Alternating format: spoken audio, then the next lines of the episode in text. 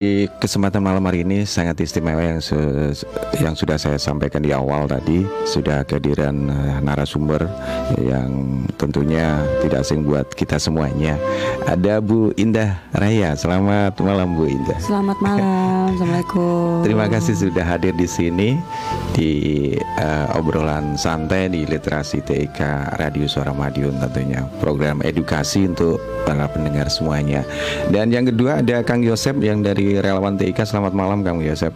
Selamat malam. Kabar sehat ya Kang ya. Alhamdulillah. Terima kasih sekali dan sangat istimewa sekali sahabat Seramai uh, Madiun. Tema malam hari ini juga luar biasa. Yang jelas kita ingin menjadi keluarga ya, yang cerdas di era digital. Karena apa? Karakter dari anak ini memang ditentukan oleh peran orang tua dalam memberikan sosialisasi pertama kali ya. Bagaimana anak berperilaku dapat dipastikan merupakan bentuk sosialisasi yang diberikan orang tua kepada si anak. Dan tentunya juga uh, di era digital ini uh, seorang anak bisa disebut sebagai Chelsea Childu jadi apa pun yang anak lihat akan menjadi langkah awal untuk bisa mempraktekkan hal tersebut dari orang tua. Nah, ini yang pertama kali Bu yang akan saya sampaikan ini terkadang kita menjadi orang tua uh, di era digital ini serba salah begitu. Mungkin karena yang perkembangan IT yang sangat pesat sekali yang kita lihat anak SD apa TK sih dari PAUD itu aja sudah mengenal namanya iya. YouTube seperti itu.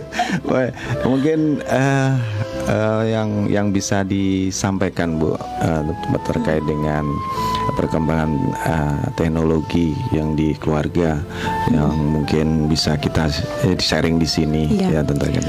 Hmm. Jadi kalau di keluarga saya hmm. itu anak-anak saya itu memang tidak tidak dilarang hmm. untuk uh, menggunakan gadget ya kalau kita yeah. bilang IT itu mungkin lebih familiarnya gadget gitu gadget, karena yeah. sekarang hmm. yang lagi tren memang hmm. anak-anak hmm. kecanduan gadget gitu. Hmm. Tentang bagaimana supaya tidak kecanduan itu kan tinggal bagaimana orang tuanya saja yang memanage gitu. Hmm. Bahwa saya mendapati adanya uh, fungsi atau kegunaan gadget itu di hal-hal yang memang itu ingin mereka ketahui sendiri. Contohnya, yeah. saya tidak pernah mengajarkan uh -huh. tentang warna in English, hmm. tapi ternyata uh, mereka tahu hmm. itu dari YouTube, hmm. dari uh, aplikasi uh, game segala yeah. macam gitu. Yeah. Jadi pada saat saya merasa bahwa oh ternyata memang ada gunanya asalkan memang itu di manage dengan baik, baik gitu. Ya, Jadi sekali. seperti konten-konten yang ada di handphone mereka atau hmm. di gadget mereka itu memang uh, under control saya gitu. Benar-benar apa yang ada di situ, apa yang mereka uh, konsumsi lah istilahnya yeah. dalam dalam hal di konten YouTube atau mungkin aplikasinya memang benar-benar saya paham, saya tahu apa yang ada di situ. Jadi Contohnya, ada kewajiban orang tua untuk bisa ada. menyesuaikan perkembangan. Yes betul.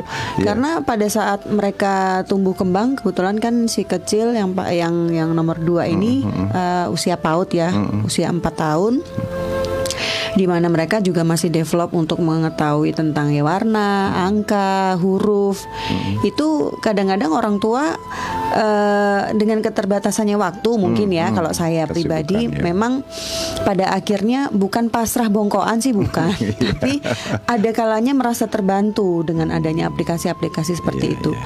Bahkan uh, dengan di uh, tabnya atau di iPhone-nya atau di iPad-nya itu hmm. bisa mereka sambil belajar menulis gitu kan bahwa huruf A itu seperti ini, huruf B seperti ini, angka juga demikian. Itu tadi saya sempat terkaget juga, kok tiba-tiba dia tahu bahwa hmm. Ungu itu bahasa Inggrisnya purple ah, gitu. Iya. Padahal saya juga tidak pernah merasa nah, mengajarkan itu gitu. Itu. Ternyata memang ada fungsinya, ada gunanya gitu. Terlepas itu membawa dampak buruk itu memang kembali lagi kepada orang tua membatasi bagaimana mereka menggunakan gadget tersebut. Oh, iya. Gitu.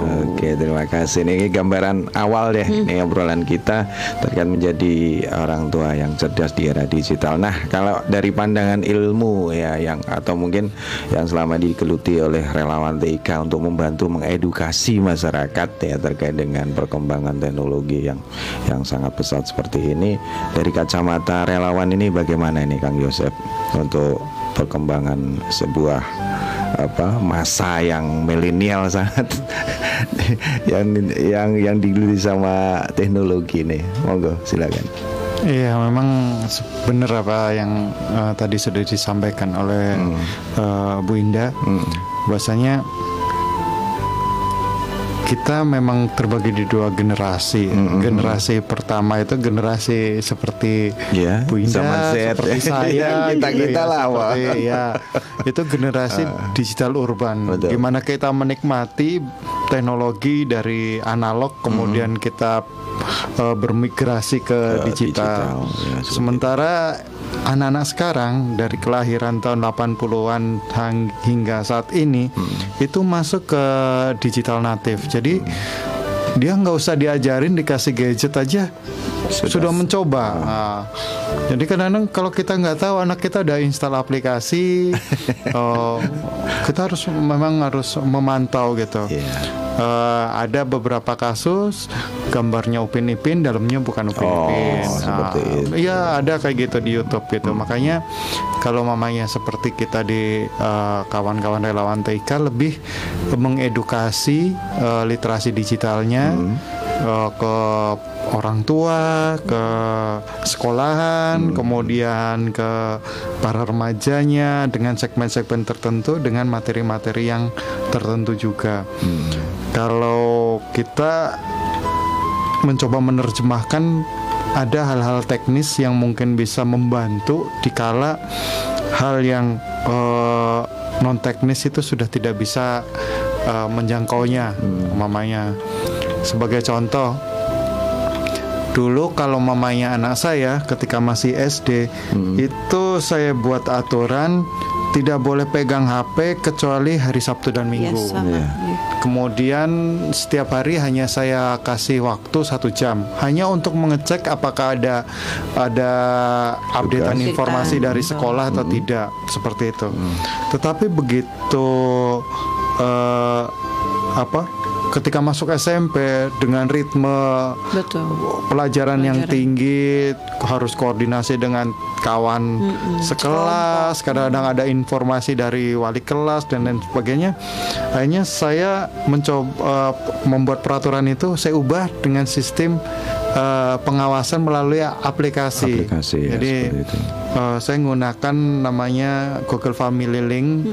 Itu bisa saya atur anak itu hanya bisa mengakses perharinya 5 jam kemudian eh, memberikan perizinan aplikasi apa yang boleh diinstal di HP-nya kemudian juga ada lagi eh, batas waktu maksudnya batas waktu adalah jam 9 HP-nya udah langsung terkunci Oke.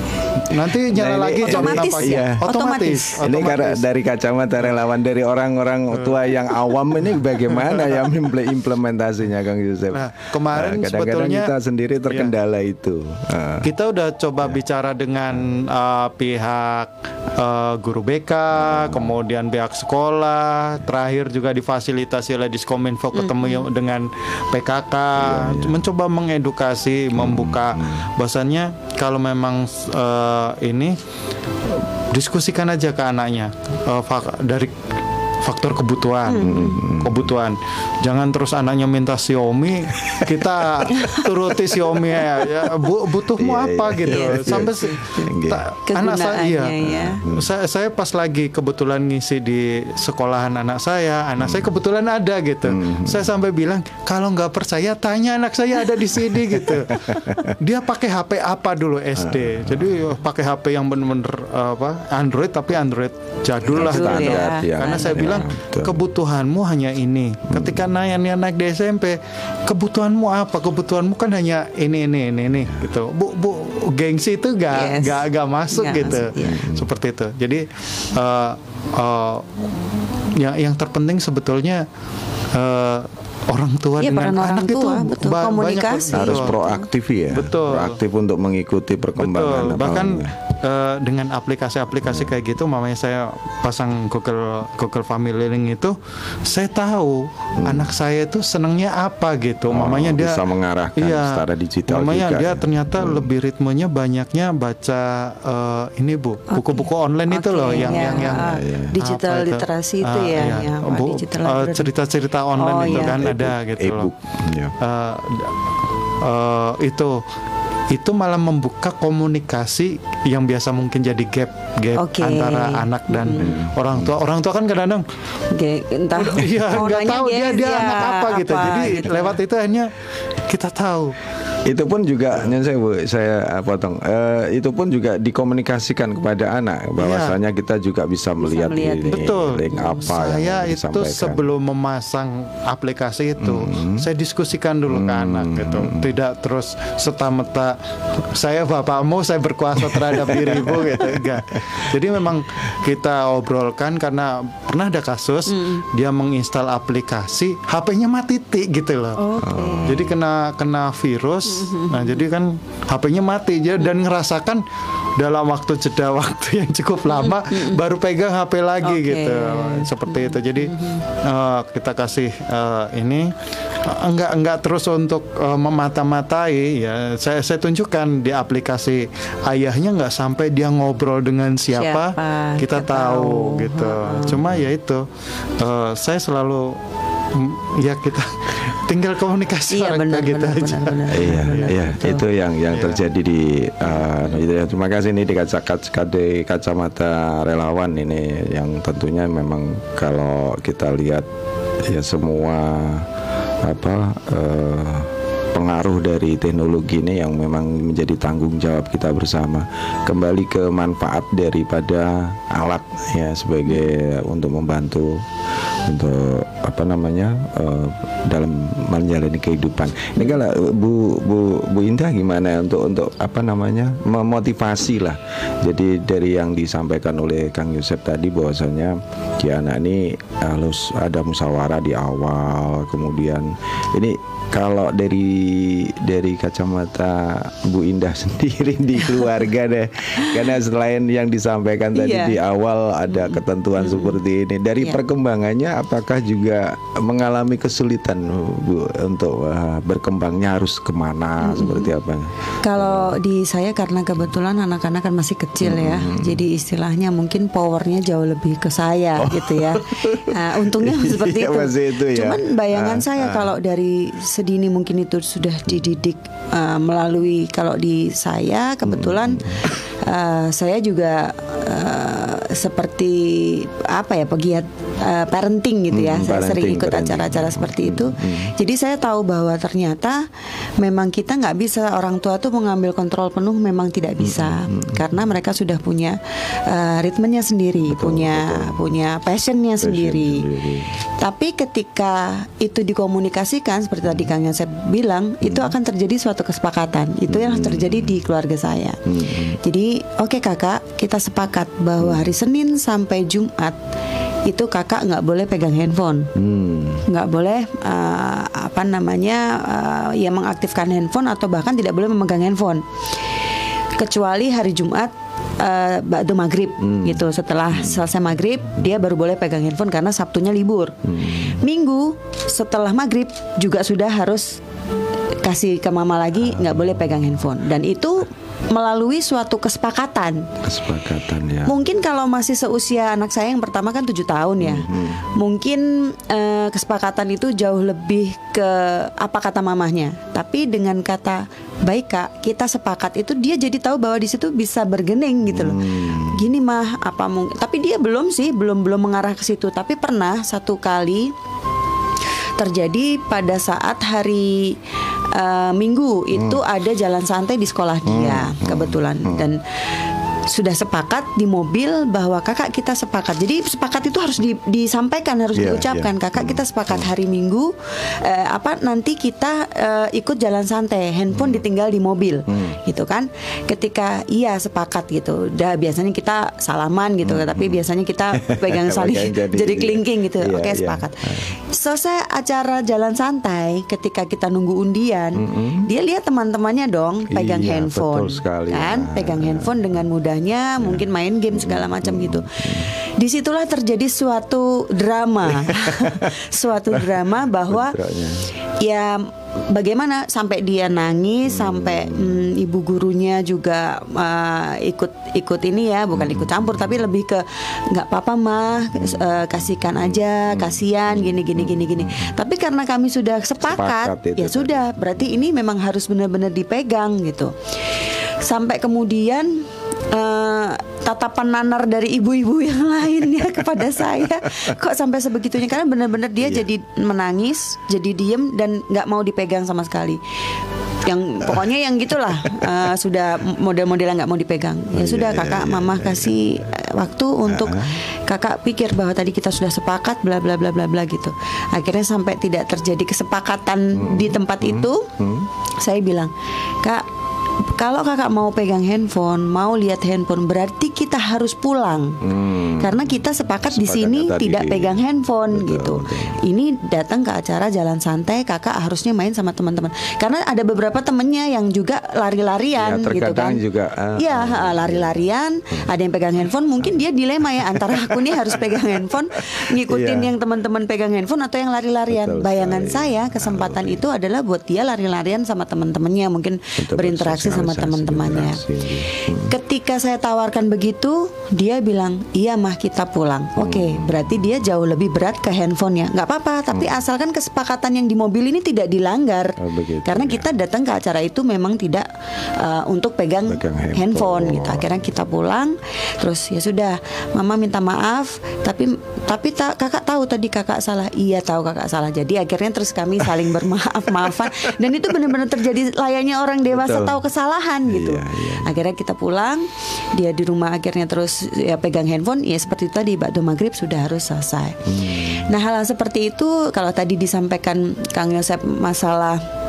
eh, ada semacam eh, apa ya bukan mata-mata juga ya tapi paling nggak untuk parenting Ma- kontrolnya ya, betul parenting control. kontrolnya itu. Bukan mengontrol penuh secara apa bahkan tadi sudah disampaikan bahwa privacy yang seperti percakapan juga tidak bisa kita Ikuti. ikuti Iya, gitu kan. Hanya mungkin aplikasi apa yang di di download dan segala macam itu. Bagi saya itu eh, suatu hal yang baru yang yang baru kali ini nih saya tahu ada begitu ini kalau nggak ada ketemu Kang Yosef mungkin saya juga nggak tahu. Cuman Iya. hal-hal yang seperti itu kan memang harus benar-benar disosialisasikan Betul. untuk orang tua orang tua gitu ya. Jadi alhamdulillahnya dengan adanya relawan seperti ini itu eh, hal-hal yang tidak diinginkan oleh orang tua yang terjadi di anaknya tuh bisa dicegah Di- gitu iya, diminimalisir, diminimalisir untuk yang gitu negatif paling nggak seperti seperti itu Ya sudah luar biasa ini. Tapi terkadang kita sa- ini Bu Indah kalau kalau seperti yang terjadi di apa di pada umumnya ketika kita melihat oh, anak ini sudah merengek sudah nggak mau apa-apa. Kadang-kadang kita secara Iya. naluri Betul, betul, udah betul. kalah dengan dengan sebenarnya kuat-kuatan Iya. itu Oh, itu kuat-kuatan ya. kalau saya Diuji- bilang Ujian di karena sekali ya. kita bagi saya nih ya pengalaman pengalaman saya belum pernah terjadi sih tapi bagi saya sekali itu dilanggar akan jadi semacam ya bergening buat dia bahwa oh kemarin bisa kenapa Oh, sekarang enggak? gitu. akan mencoba Iya akan mencoba lagi di sama. bayangan saya begitu tapi selama kami berjalan ini belum pernah seperti itu. Kecuali kalau adiknya tiba-tiba eh, kalau adiknya jauh lebih ini sih jauh lebih eh, apa namanya longgar gitu. Jadi dia setiap hari masih bisa boleh pegang handphone tapi yang ada di handphone dia kan tidak seperti yang di handphone Sa- kakaknya ya, sama, gitu itu kan. dia. Jadi Iya. seperti cuman ABC 1 2 3. Jadi kalau kakaknya ikut nonton ya bagi saya ya nggak apa-apa itu mungkin ya bonus lah gitu, tapi bukan dia